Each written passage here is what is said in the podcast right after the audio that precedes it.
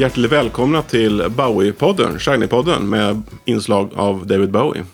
Ja, Och det är ju så mycket som det 20 avsnittet och vi ska prata om David Bowies 19 skiva ja. som heter 1. Outside. Fast vi skulle kalla den för Outside sa du alldeles nyss. ja det, båda namnen ges ju här Mm. på, eh, på Wikipedia i alla fall. Det verkar som att eh, den är commonly referred to outside. Fast ett punkt outside heter den tydligen Mm. Det officiellt. skulle väl då komma flera som två punkt något annat då. Just det, det var, han skulle ju göra en skiva per år där de sista fem åren Mm. innan millenniet va? Det var den... Eh, eh, en, en, en av alla dessa projekt som han har tänkt ut men som inte har blivit av då. Ja, det Ja. var lite synd. Ja, det vara spektakulärt då. Eh, och så. Ja, nej men tackar. Ja, ehm, Outside ja, 95. Um, ska bara, bara dra, dra lite allmän kontext om eh, skivan då, då. Så får du rätta mig då när jag, om jag är ute fel här. Men Bowie har alltså, för det första så är ju jag den här skivan tillsammans med Eno. Brian Eno. Och eh, från Berlin. Samarbetet från Berlin-trilogin. Men vi ska inte ju inte med. Eh, eller hur?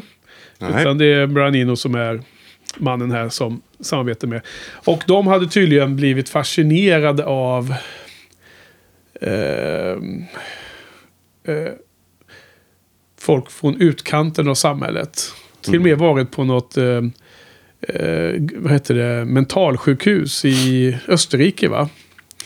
Eh, och intervjuat folk och eh, där hittas som the, the outside eh, painters eller något liknande. Alltså tagit med sig konst ifrån de här mentalpatienterna.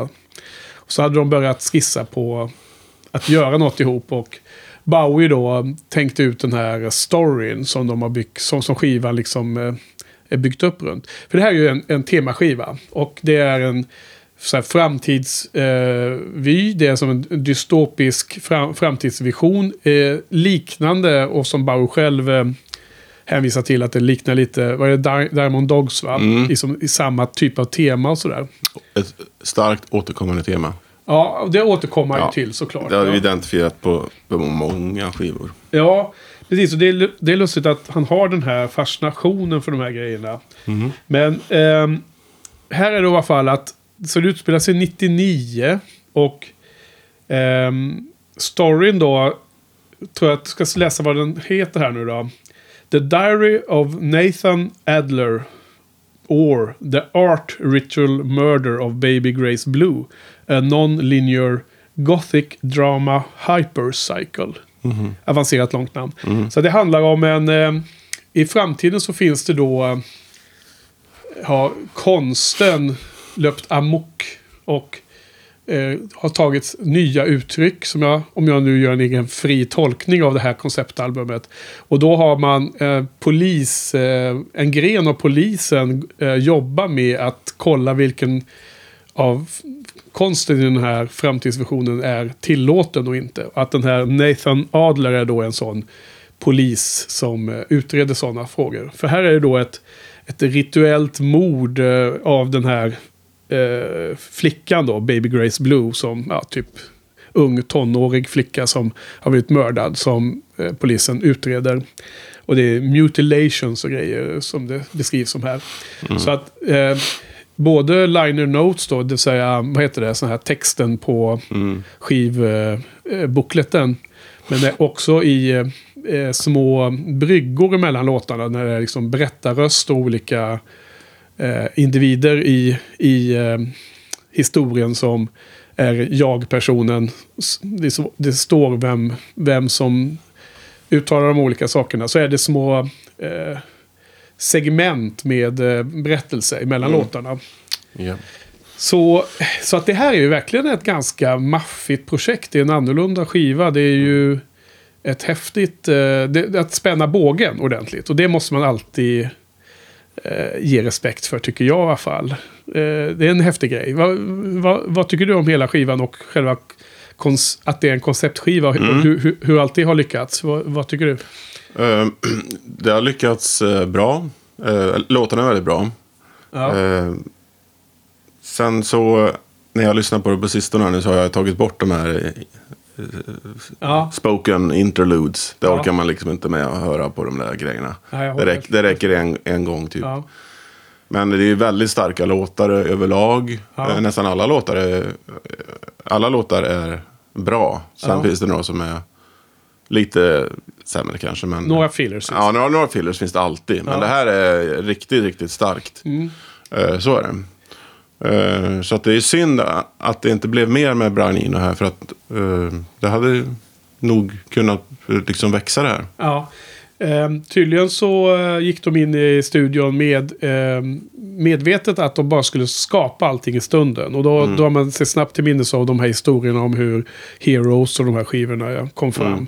Just när de stod och improviserade. Då. Och Ino återanvände det här idén med att ha sån här eh, titelcards, eller små, små lappar som man gav ut till eh, bandmedlemmarna där de skulle liksom spela roller så att eh, inom bandet för i, under eh, processen med skapande processen av musiken för att de inte skulle eh, hamna i klichéerna som det står på Wikipedia. Liksom, för att man inte skulle göra liksom, för enkelt för sig själv, antar jag. Så att... ehm, ehm, men, men skivan är också väldigt, väldigt lång för det första. Den är också 75 minuter. Och jag såg någon kommentar om att Bowie hade tyckt att det blev för långt och att det låg eh, skivan i fatet då. Att den eh, liksom inte blir lika lätt tillgänglig och lätt såld. Utan han skulle gjort en dubbel-CD, dubbelalbum av det hela. Ha, hade han tydligen en eh, åsikt i Varför skulle det ha blivit bättre då? Oklart varför det skulle blivit bättre, men man kan ju kanske tänka sig att... Eh, ja, egentligen... Nej, jag vet faktiskt inte varför det skulle vara bättre. Det är en bra fråga. Eh, man kanske skulle kunna tänka sig att han skulle ha delat upp det istället till andra. Gjort den här ursprungliga idén då. då. Eh, om nu hade så mycket material. Jag tror att efter de har varit hos, på det där mentalsjukhuset och liksom, och där, även tagit med en del av den här konsten då som de fick tag på där. Som de sen satte upp i inspelningsstudion. Då gjorde de ju någon, någon slags, eh, det finns väl på Pirat va, någon slags tidig version av det här. Som mer är liksom jättekonstigt och mer eh, löst sammanhängande berättelser i ord och sånt. Nej, det, det, jag har lyssnat på det här, men det, det blev bara en gång. Det orkar jag inte med. Eh, kan du beskriva mer om vad det är nej, men det, det är liksom, visst, det finns ju musikinslag, men det är, det inga- liksom, kompletta låtar på det viset. Utan det, ah, nej. ja, Jag kommer, det, inte, jag kommer inte riktigt ihåg. det är liksom ja, experimentalism ens i, i kubik. det. Liksom. Ja, ja. det, det, nej, det blev för mycket. Ja, okej, ja. Jag får försöka lyssna på den igen kanske någon gång. Ja, jag har också försökt lyssna på det någon gång. Jag för mig att det var tre spår och varje spår var en halvtimme och sånt där. Mm. Ja. Och eh, det kändes väldigt jobbigt att ta sig igenom. Och, Men jag tror att de hade massor med material inspelat. Och, så det låter ju som att den skulle kunna både koncept, alltså historien i konceptalbumhänseende eh, men också kanske musikmaterial för, för mer. Eh, sen stod det då felak, felaktigt någonstans på internet att de gick in i studion utan att ha någon musik skapad alls. Eh, och det kan ju inte vara helt sant eftersom de återanvände ju till och med en låt ifrån Buddha of Suburbia som vi har pratat om tidigare. Just den här, eh, vad heter den, Strangers When We Meet, det, va? Ja. Mm. Som, som då görs i en ny version här. Så alltså den hade de med. Men, men resten kanske de så att säga, tog fram tillsammans, kan jag tänka sig. Ja, nej, jag har också så att säga lyssnat igenom skivan igen. Och det var något av en... Eh, eh, man kastades tillbaks till tiden där Um, därför att det är ju en låt här, en, en känd låt från skivan som också är singel då. då. Uh, eh, som... Uh, nu blir jag, står helt still i huvudet på mig. Men vilken är det som är med på, i Seven där då? Det är The Heart's Filthy Lesson, är det va? Mm. Den spelas ju till eftertexterna i filmen Seven. Jaha. Och eh, alltså det var inte, jag vet inte om det misstolkades när vi pratade om det vid ett annat tillfälle. Men eh, det var inte att, eh, jag menar inte att Bao hade gjort all musik till Seven. Utan det fanns en koppling där via den låten. Men jag tycker också att temamässigt är de väldigt liknande. De beskriver liksom samma typ av dystopiska värld. I någon mening. Du, du har ju sett Seven antar jag. Och den är väl för, från 95 eller något sånt där. Va? Väldigt nära det här då va? Ja. Och eh, jag kommer ihåg när jag såg Seven, det är ju en så otroligt bra film. Det är David Fincher och det är ju Morgan Freeman och eh, vad heter han, Brad Pitt som spelar poliserna. Gwyneth. Ja, det, hon är med också. Och, eh, och med, med att de är, jagar den här seriemördaren då som, som kör de sju dödssynderna. Va? Mm. Men jag tycker att det, den var så jäkla vidrig i stämningen. Alltså, eh, inte handlingen, den var också spännande, men själva liksom det kalla, det är så otroligt kallt eh, samhälle som framkommer där. Så jag blev liksom helt så störd av det. Jag blev liksom ganska chockad. Liksom. Jag kommer ihåg när jag gick hem från filmvisningen så var man så att man tänkte att man kunde inte bo i en storstad längre. Man måste liksom flytta någonstans där folk är snällare. Och sen så kom den här skivan då. Jag kommer ihåg när, när skivan var ny då, då gjorde man ju som vanligt då att man började läsa den här lilla bokletten då som kom med. Och i det här fallet var det ju lite mer att läsa. Och man vill ju se vilka som har varit med på skivan och vilka spelar instrumenten och allt sånt där. Så börjar man läsa den här absurda historien om den här, liksom, det här äckliga mordet liksom och så. Så att för mig har de alltid varit, hört ihop liksom.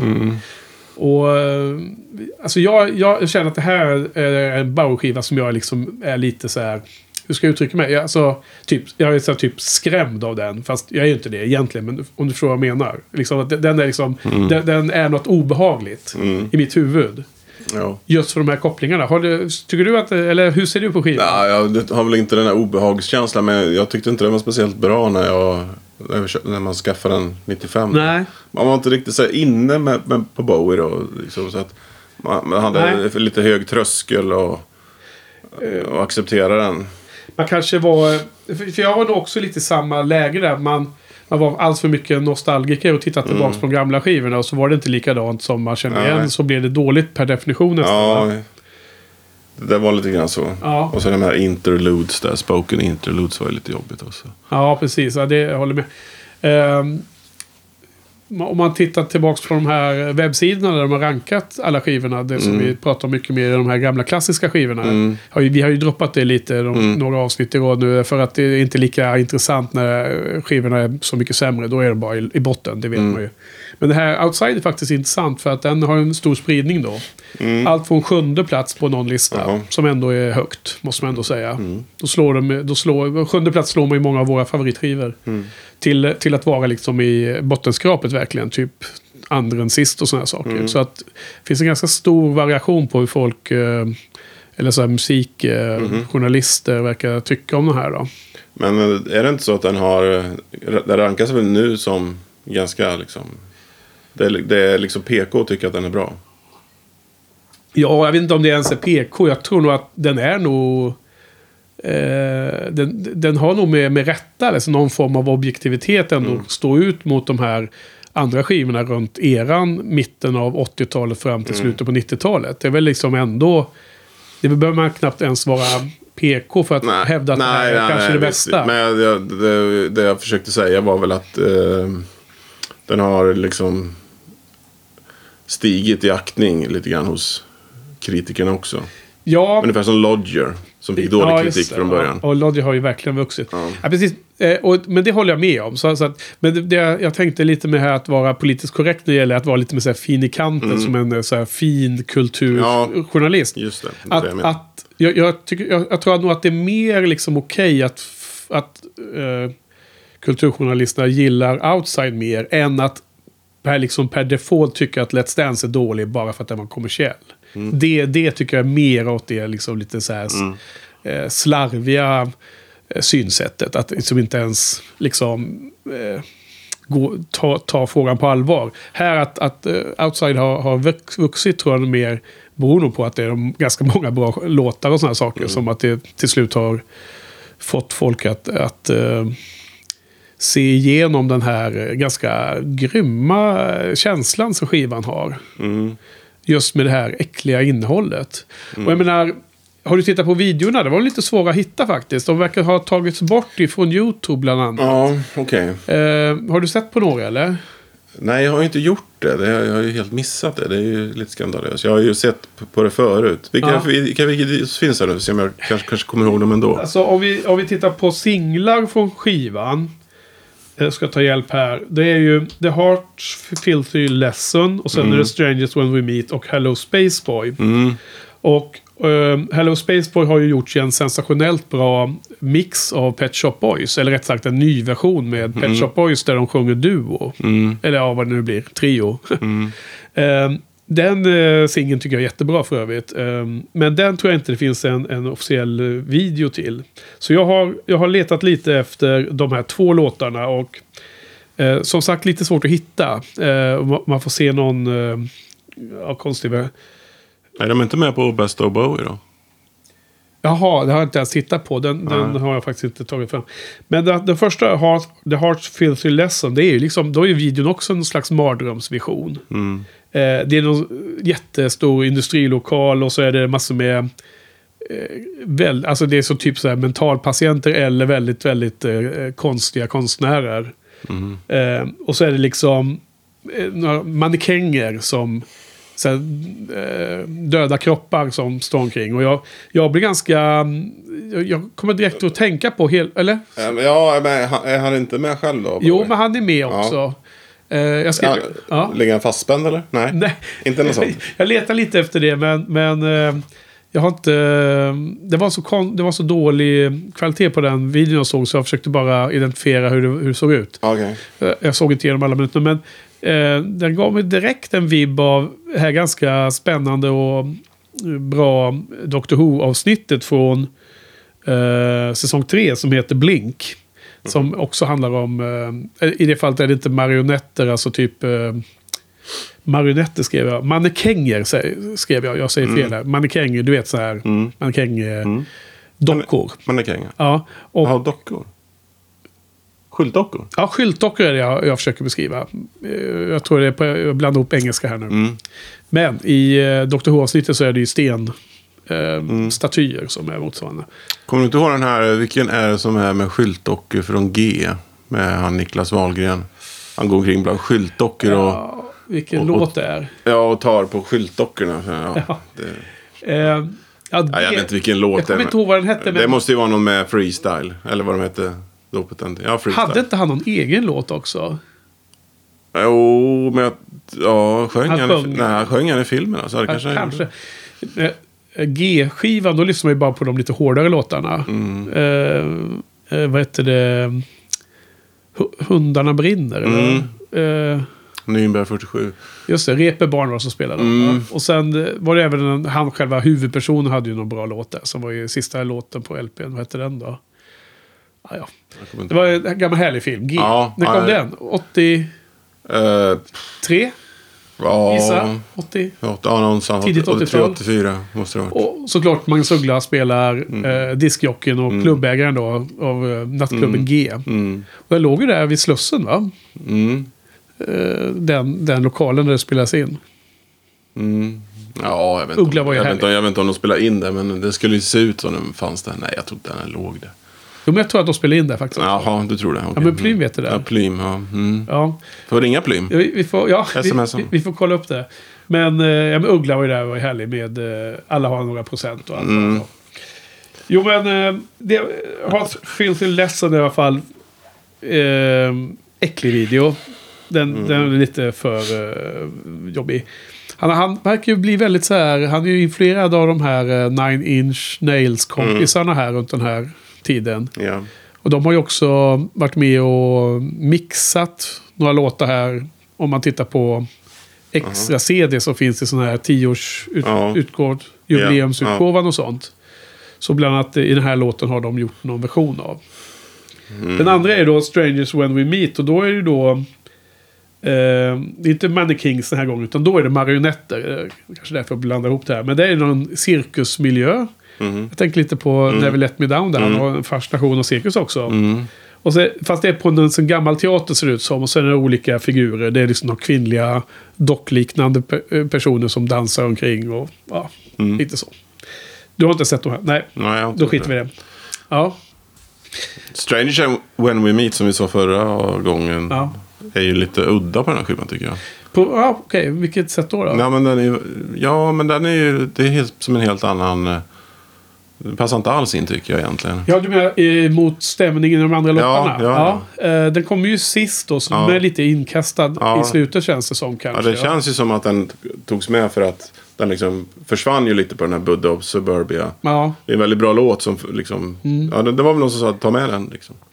men det kanske också är liksom en eh, lite balsam för själen att avslutas med en lite eh, mindre Mm. eh, aggressiv låt för psyket. Men eh, den är ju ganska eh, avrundad här också. Har jag för mig att du tyckte att den var lite för mesig på den här versionen, eller?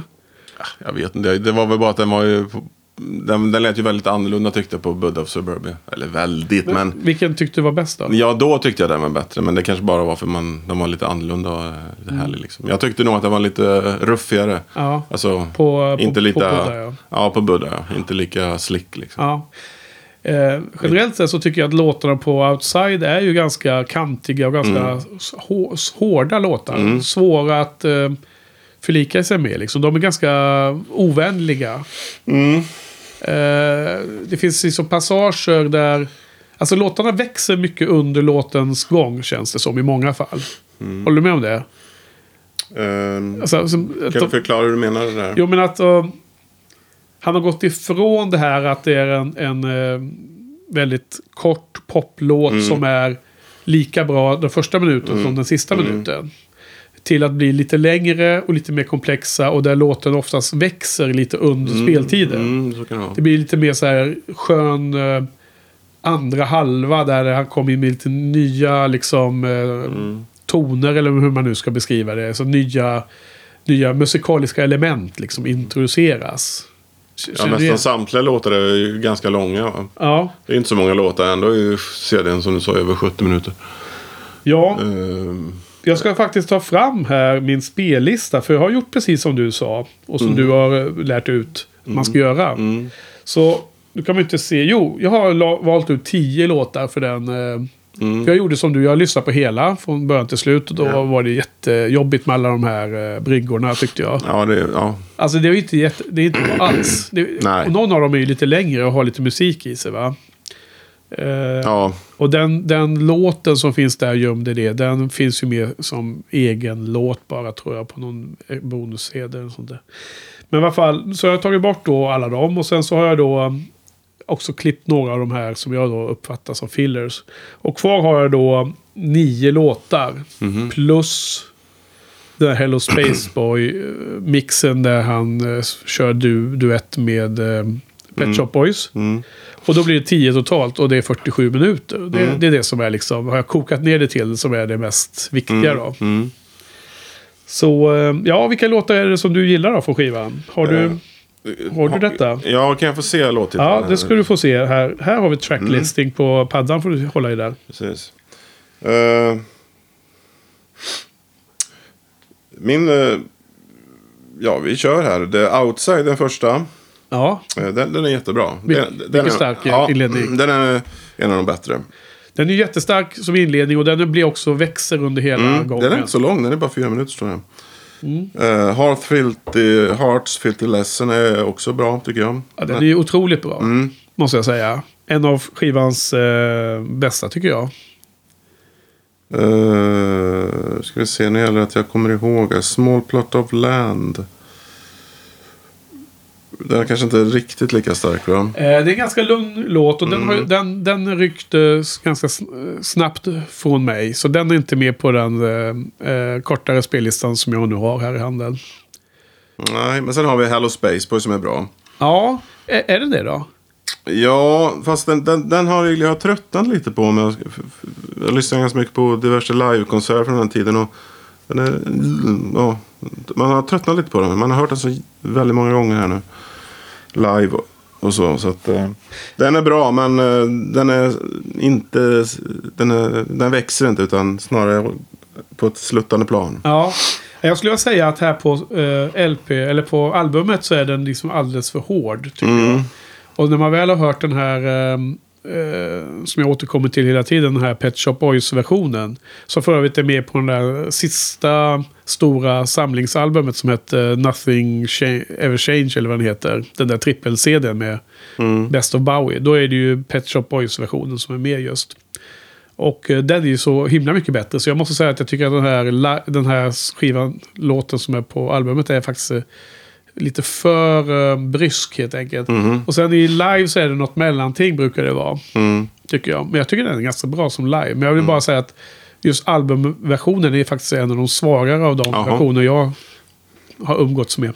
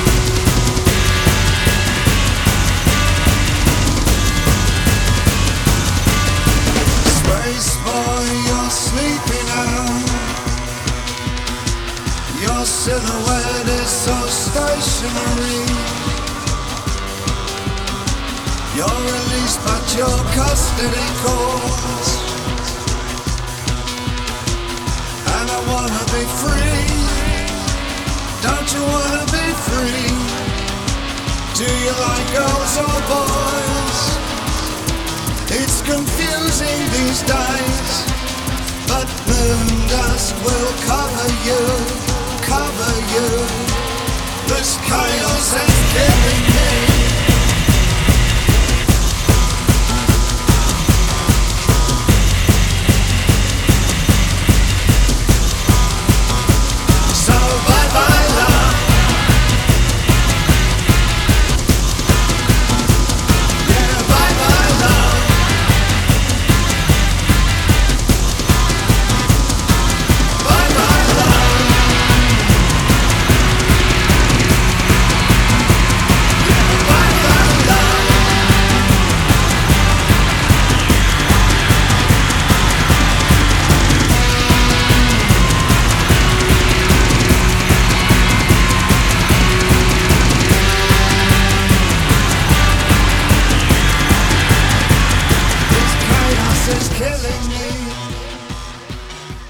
Ja, hur ser det ut sen då? Ja, The Mo- Motel är väldigt bra tycker jag. Ty- Jaha, tycker du det? För den, den har jag lyckats kasta ur här från listan. Mm, den är ganska så här, eh, lite udda så här.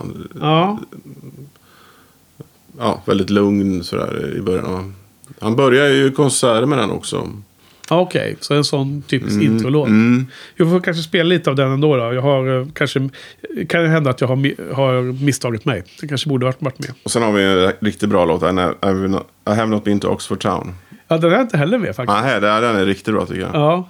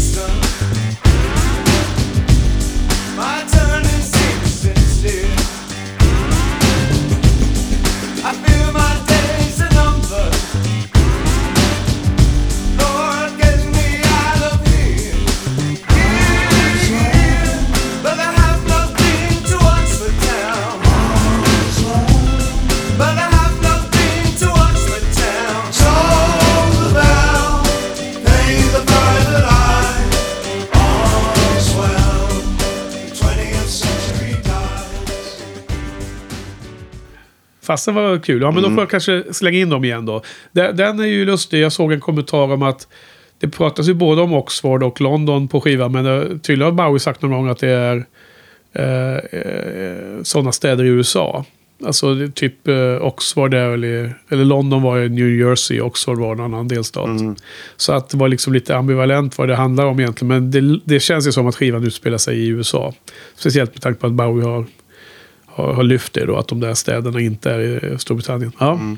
Sen den här No Control, det blev jag lite förvånad när jag lyssnade på den idag igen. För att det pratade, jag fick för mig att det var I'm deranged då.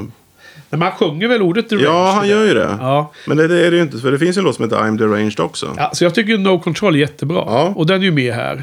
Den är svinbra som du brukar säga. Ja, det brukar jag. Mm. Ja, fast den är inte topp tre på skivan, men den är väldigt bra. Det är så, den... eh, För, ja, okej, fortsätt då.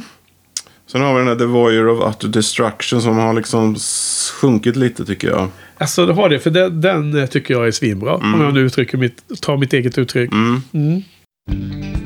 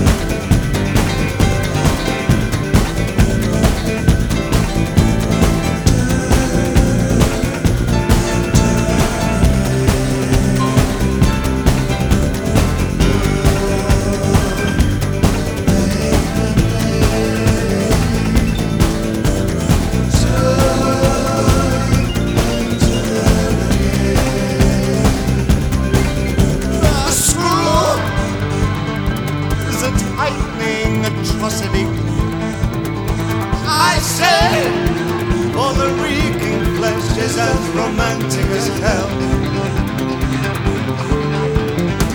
The need to have seen it all. The voyeur of utter destruction as beauty. And I say.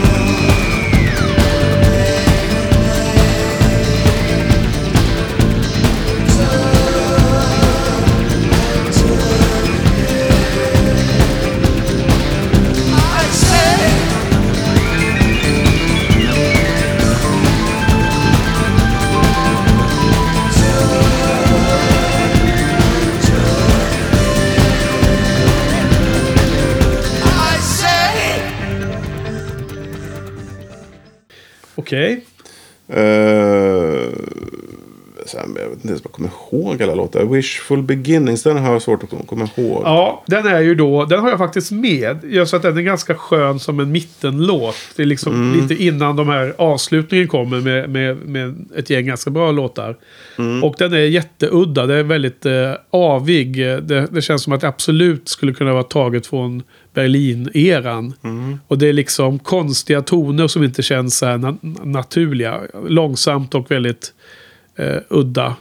Eh, alltså den är mestadels, om inte helt... Eh, nej, jag kanske helt blandar ihop det. Men jag har för mig att den är, stora delar är instrumentalt. Det är det jag försöker komma fram till. Mm. Jag tror jag vet vilken det är. Uh, men sen har jag We Prick You, den är ju bra också.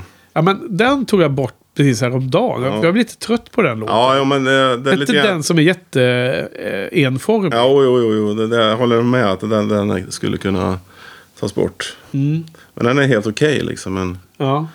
sen I'm deranged. Eh, ja, men Through These Architects Eyes har jag sen. Jaha, Jag tror jag bytte ordning där lite. okej. Okej, men I'm deranged har Ja, vi då. men den, den, den är... Jättebra ju. Ja. Men alldeles för kort. Och den känns ofullständig. Ja. Jaha, men ändå fyra, över fyra minuter. men kommer inte ihåg, den, den är liksom... Den blir bättre och bättre under hela låten och sen är den bara slut helt plötsligt. Mm. Det känns inte som att den riktigt får gå i mål fullt ut, tycker jag då.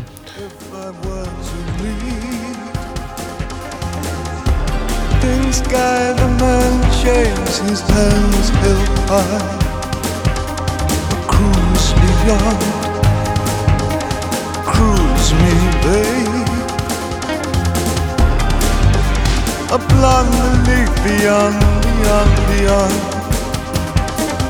Blow me down, no return.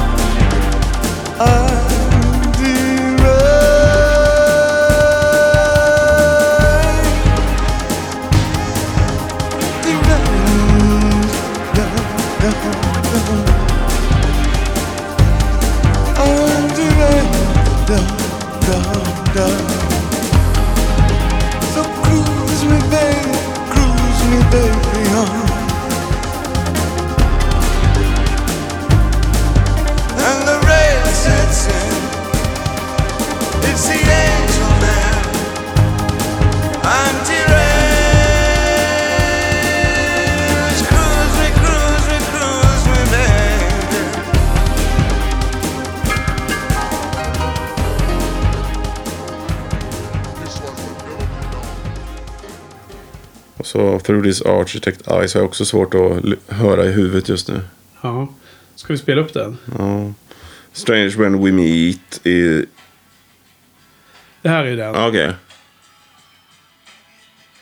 Ja men den är ju skitbra. Ja. Det här har jag lagt lite senare här, ba- bara för att det ska bli ett bra Mm. punch i slutet. Ja. Och så Strangers When Ja. We Meet, va? Har du den här Wishful Beginnings också eller? Kan vi- Ja. också. Vänta, jag ska höja lite. Ja, det är den där ja. Den där som låter som eh, grodor som kväker. Grodor eller... Man tänker sig att så här låter havssköldpaddor när de pratar med varandra nere i havet. Mm. Ja, just det. Precis. Ja, den var ju inte instrumental i alla fall, kan jag säga. Ja, ja, men det är härliga låtar. Alltså, det är skitbra egentligen allting här. Eh, Ja. Jag kanske måste utöka den här spellistan till att återinföra några av de här. The Motel och eh, Oxford Town där du nämnde. Mm, ja, Oxford Town är riktigt jäkla Ja. bra. Ja, men alltså hela den här skivan, om man jämför med de här eh, Tonight och Ja. eh, Never Let Me Down och... Uh, usch. ja, men Det liksom det, är, ju- det är en otrolig kvalitetshöjning här. Ja, men, är- allting beror på Brian Eno. Ja, det, det, så är det ju. Ja. Han behöver väl ha, ja men det är lite grann som många kända artister. De behöver ha någon, ja, någon bo- bollplank på något vis. Vapendragare. Mm. Mm. Eh, Ska vi se vem som har skrivit, skri, skrivit låtarna här då. Det är ju eh, Bowie och Ina har ju spelat, eh, skrivit många här och, tillsammans. Men även Bowie Gebrels. Ja. Någon, är bara en va? Men du, eh, multi-instrumentalisten är ju med på bas har jag sagt. Ja, ja. Ja, men här, ja, precis. Här har vi ju, han är ju med här. Kissel K. Han har Ja. ju skrivit låtar här. Jo, men alltså att alla med skriver det här eh, tror jag blir eh, en sån konsekvens i och med att de går in och bara Mm. eh, improviserar fram låtarna i studion. Då blir alla med liksom. Men hur var det nu med, med, med, med, med Carlos? Är han med här eller? Han Men med- det tror jag inte. Nej, han var ju med på turnén sen då. Turnén. Ja. Okej, för vi har ju en stor outside-turné Mm. 1995. Ja. Och då var han väl i Sverige också, men det lyckades jag missa helt ju. Eh, han var i Sverige 96 där ja, på våren. Okej, men det är samma turné va? Ja, jag tror det. Skandinavien. Sen var det nog Globen också. Nej, jag missade det också. Du var inte heller, du var inte ens där lite? Nej, jag har ingen minne av alls det här. Missa helt. Ja, jag missade det. Det var ju synd. Det var synd ja. Det kommer vi inte. Det går liksom inte att få tillbaka det. Nej, man kan, ju, man kan ju lyssna på det på, eh, på Pirat, men mm. Mm. svårt att vara där i efterhand. Nej, det var synd faktiskt, för att eh, sen vet jag inte om han var här förrän då 2003, 2004. eller? Jag tror att, eh, att han var här på någon, någon sån här festival. Ja, just det. Lollipop eller något sånt där. Något sånt udda. Ja, Vad kan det ha varit då? 99 eller? nej 97 tror jag. 97? Mm. Ja, efter Earthling. Ja. Då var han här. Ja, Okej, ja, men det var ju väldigt fadäs sen, sen var det nog inte förrän 2003. Ja. Ja, det är, det är lätt att ångra sig efterhand. Det är dumt att man inte gick Alltså lustigt nog så var ju 99 då med den här Hours-skivan. Eh, då spelade han ju på typ sådana ställen som Bingolotto flera gånger tror jag. Jaså? Hur han? Så han, eh, han som var med i metoo här nu, som vi pratade om alldeles nyss innan vi började. Eh, Eh, jag vet han nu då. ja, ja, Lasse Kroner. Ja. Han var ju programledare. Han var ju helt galen liksom. Och så, det var lite lustigt. Eh, Han skulle gå upp då. Han blev så tagen av den här stundens allvar när- Bowie var där. Då.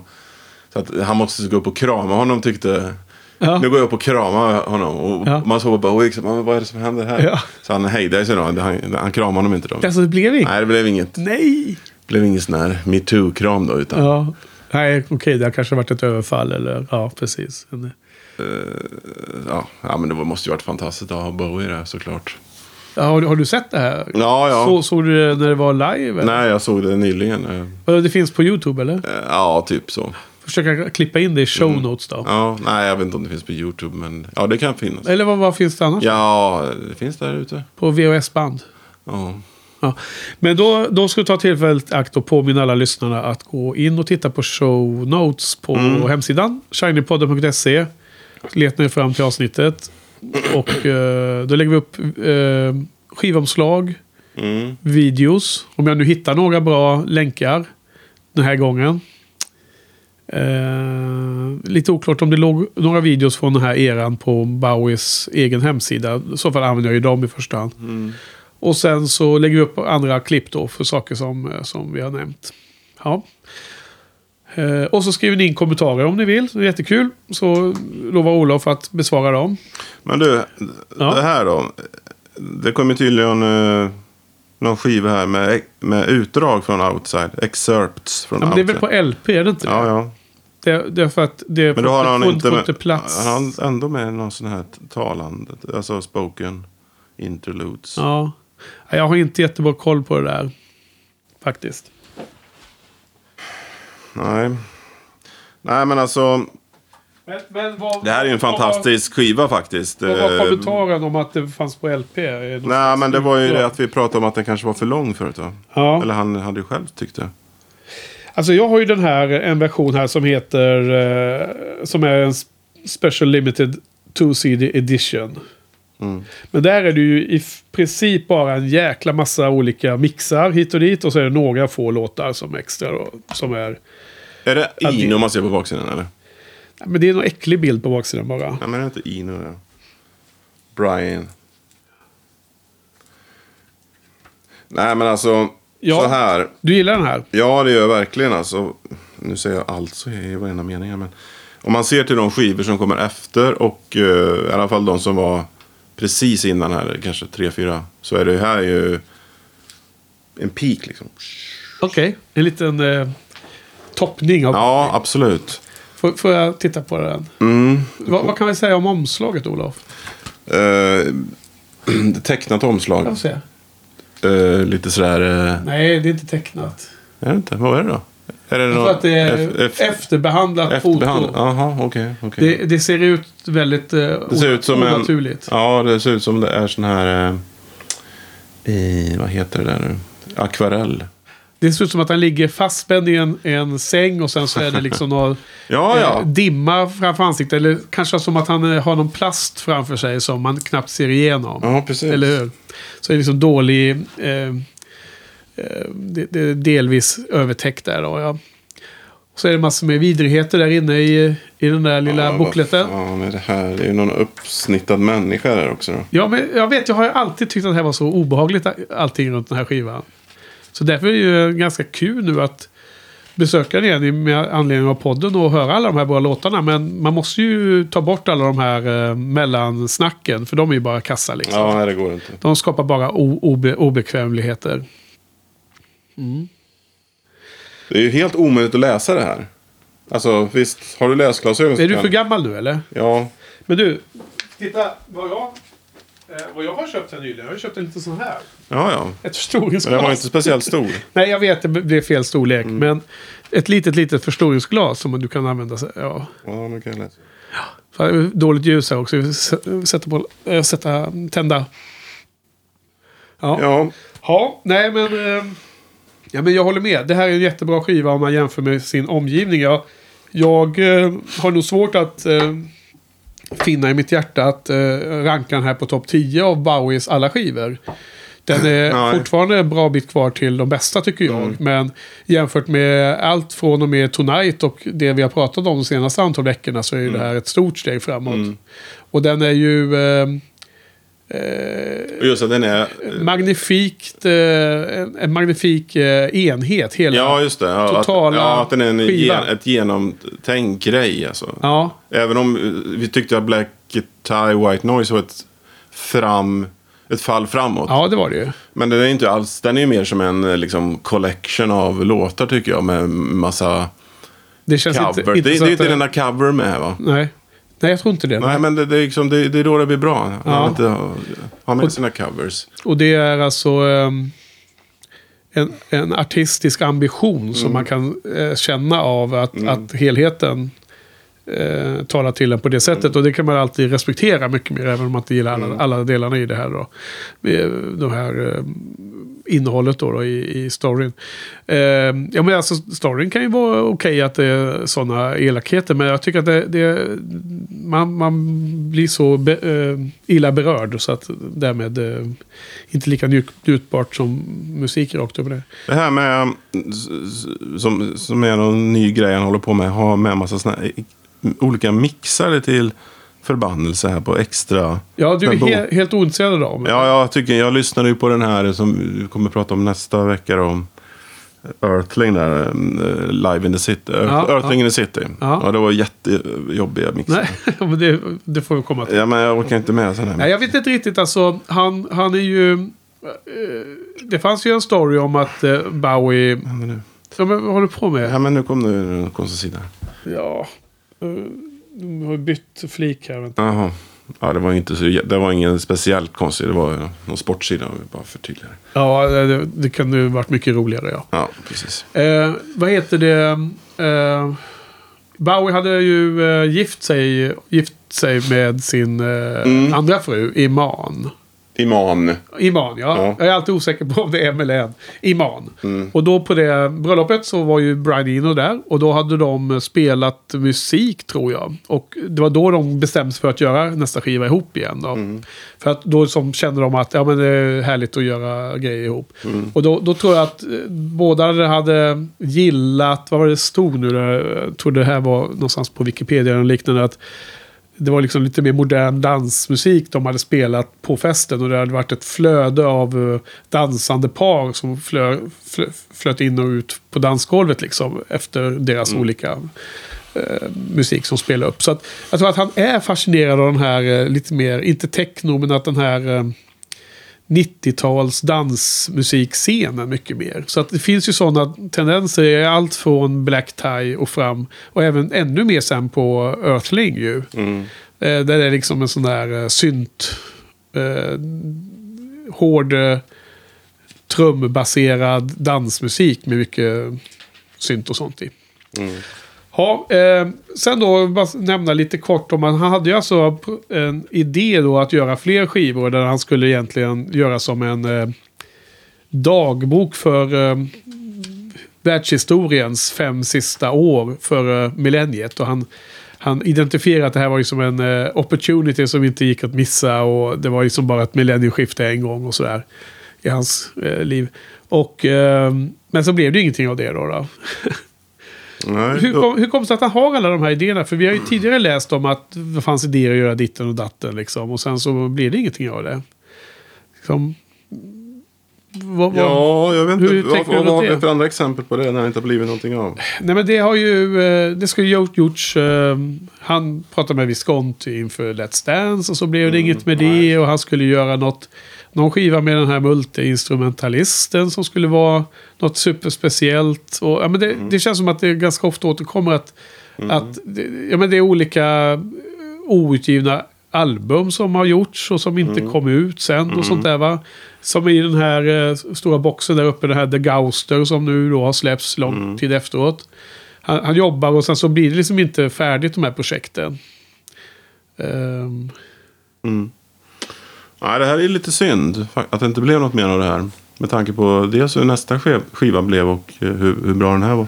Ja, men, men en annan så här, exempel så att han eh, pratade väl om i intervjuer i slutet på Tin Machine att nästa Tin Machine-skiva skulle bli så bra. Och så helt plötsligt var det ingen nästa. Då Nej, det, var, det det, Black var ju, det var ju i och för sig tur där. Ja, det var ju tur. Men att, Mm. att det återkommer hela tiden att det finns liksom i intervjuerna i, från, varje, från varje enskilt år så pratar han Mm. massa olika idéer och så väldigt få av dem blir av. Sen är det lite mer slumpmässigt. Han råkar träffa någon på någon fest känns det Mm. som. Och då blir det nästa skiva. Jo, men det kanske är mycket snack. Ja, ehm, ja. Och någon, någon skiva skulle heta Inside och det fanns något annat eh, namn också på någon tänkt uppföljare då.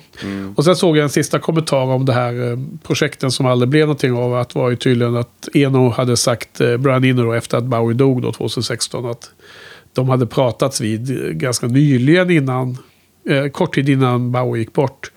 Om att Outside var liksom underskattad och att de ville göra något, fortsätta något eller göra, göra något av den skivan mer. Liksom få, få den få, få, få upprättelse för den skivan. Vad det nu kunde vara. Jag har ingen aning.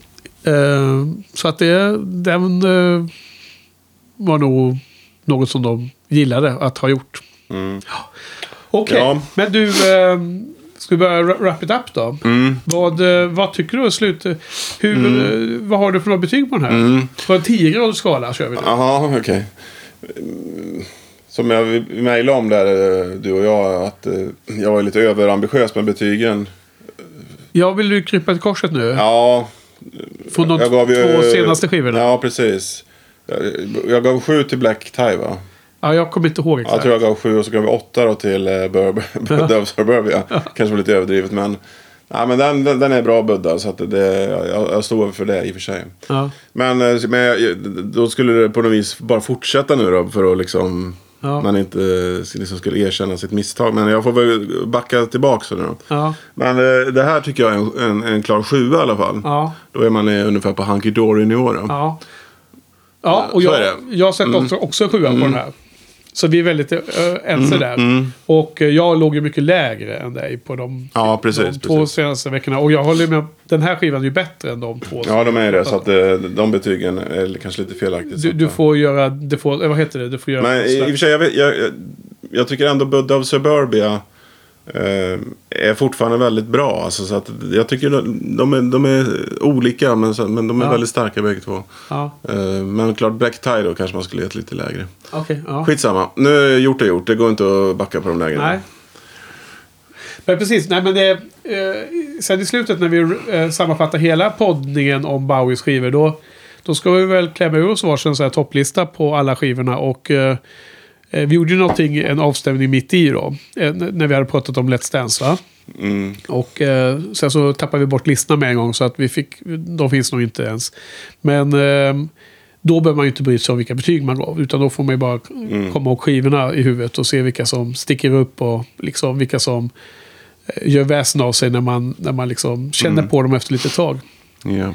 Och sen där i slutet också, om vi ska sammanfatta läget, så hade jag ju tänkt Olof att vi skulle, som vi nämnde på fikat här också, att vi skulle av alla Bowies hundratals låtar, det kan vara 200 låtar eller mer som han har producerat på originalalbumerna. ja. Eh, välja ut tio favoriter var. Eh, tio, försöka eh, ba, alltså, klara sig att beskriva sin Bowie favoritmusik på tio låtar bara. Det är nog en ganska stor utmaning, eller vad tror du? Absolut. Eh, inte lättaste. Vi behöver inte ranka dem, men att bara välja ut tio är nog svårt nog. Liksom. Vilka, är, vilka är de tio bästa och de, eh, samtidigt de tio som beskriver hur man tycker om Bowies musik. Eller, Så att det är representativt om man säger så. Mm. Ja, det blir svårt. Får vi se vilka skivor som blir representerade och inte och så vidare. Det Ja. kommer vara långt ifrån alla. Ja, det är klart. Ja, okej. Men du, eh, gott så. Så att eh, summeringen då. Visst var det ganska kul ändå att eh, lyssna på Outside igen. Mm. För, för, för jag tror att det är lite samma för dig som för mig. Att det har nästan legat orörd Alltså jättelänge, 20, Ja. 20 år liksom. Ja, ja, ja, visst. Nej, alltså jag har lyssnat på den ända sedan vi började med den här po- Bowie-podden. Jag har lyssnat på den till och från, så att säga. Ja, Och sen blir det ju, eftersom jag lyssnar på väldigt många livekonserter också då, från den här tiden just nu på sistone. Eh, så har man ju hört låtarna. Ja. Men eh, ja, det är, det är fantastiskt. Ja, Ja, jag tycker det var jättekul och, Mm. och jag hade ju en, viss så här, eh, var lite så här eh, förväntansfull att se hur den här hemska skivan skulle den här skivan med det hemska innehållet, hur den Mm. skulle eh, lyftas upp musikaliskt den här rundan. Men jag tycker absolut den överraskade positivt. Bästa, bäst since Scary Monsters. ja, det som man alltid säger. Mm. Jag såg till och med en kommentar bästa sen hans 70-tal. Och då är det faktiskt till och med att det skulle vara bättre än Scare Monsters. Mm. Det var någon kommentar. Okej, men du, eh, inför nästa vecka då så är det ju då Earthling. Och eh, eh, vad, hur ser du, hur, hur, vad är förväntningarna inför att prata om den skivan? Ja. Och hur, hur förväntningarna på hur bra den är? Låga förväntningar. Ganska låga. Eller så här medel... Eh, jag, jag börjar om. Eh, ganska höga förväntningar blir det helt plötsligt nu. Ja, okej. Men jag vet ju vad som händer som jag lyssnar på nu. Så att, eh, Ja. därför, Du har redan tjuvstartat. det är därför jag s- snöade in på att det blev helt plötsligt låga förväntningar. Nej, men ganska höga förväntningar Ja. säger vi då. Ja, alltså vi måste, man måste ju tjuvstarta lite Mm. för att det liksom blir för eh, eh, eh, kort tid att Mm. bara lyssna in sig på en enda skiva under en kort, kort period. Så man vill gärna liksom att lyssna på lite fler skivor Mm. parallellt så att man har olika invändningsperioder Mm. till de nya skivorna. Eller jag ska säga att till de här skivorna som man inte har hört på på länge. Eh, jag tänker mig att det här var en av de eh, skivorna som jag hade minst koll på, ska jag faktiskt vara helt ärlig. Eh, både denna och den från 99 hours. Eh, det är lite symptomatiskt att jag inte var på de här turnéerna då. För att efter Outside så kanske jag fick en liten sån här eh, Bowie-blockad där efter chocken av den skivan. För att jag, jag, har, jag, hade ju, jag hade ju skivorna här i bokhyllan liksom, men de har ju knappt spelats alltså ska jag säga. Och sen, men sen så upptäckte man ju då plötsligt att den här eh, låten som alltid är med live då, den här I am, eller I am afraid of Americans. Som jag alltid gillar live. Den visade sig kom från den här Earthling då. Jag trodde ju att den var från eh, Outside faktiskt länge. Så att eh, det är klart att det är lite kul att se vilka låtar som döljer så här. Om man har, har liksom miss, eh, man har kommit ihåg fel vilka, vilken skiva de är på. Nej, men så jag hade nog ganska blygsamma förväntningar. Men som alltid kul att se om, om skivan, vilken väg den tar. Om den går upp eller om den känns tråkig och så vidare. Så jag ser fram emot det väldigt mycket. Ja, Ja, men då är vi klara för idag eller? Ja, helt klara. eh, tack Olof. Tack Henrik. Ja, och tack till publi- publiken. Och nu ska vi avnjuta Hello Space Boy med David Bowie och Pet Shop Boys tror jag. Cool. Vad sägs om det? Bye bye.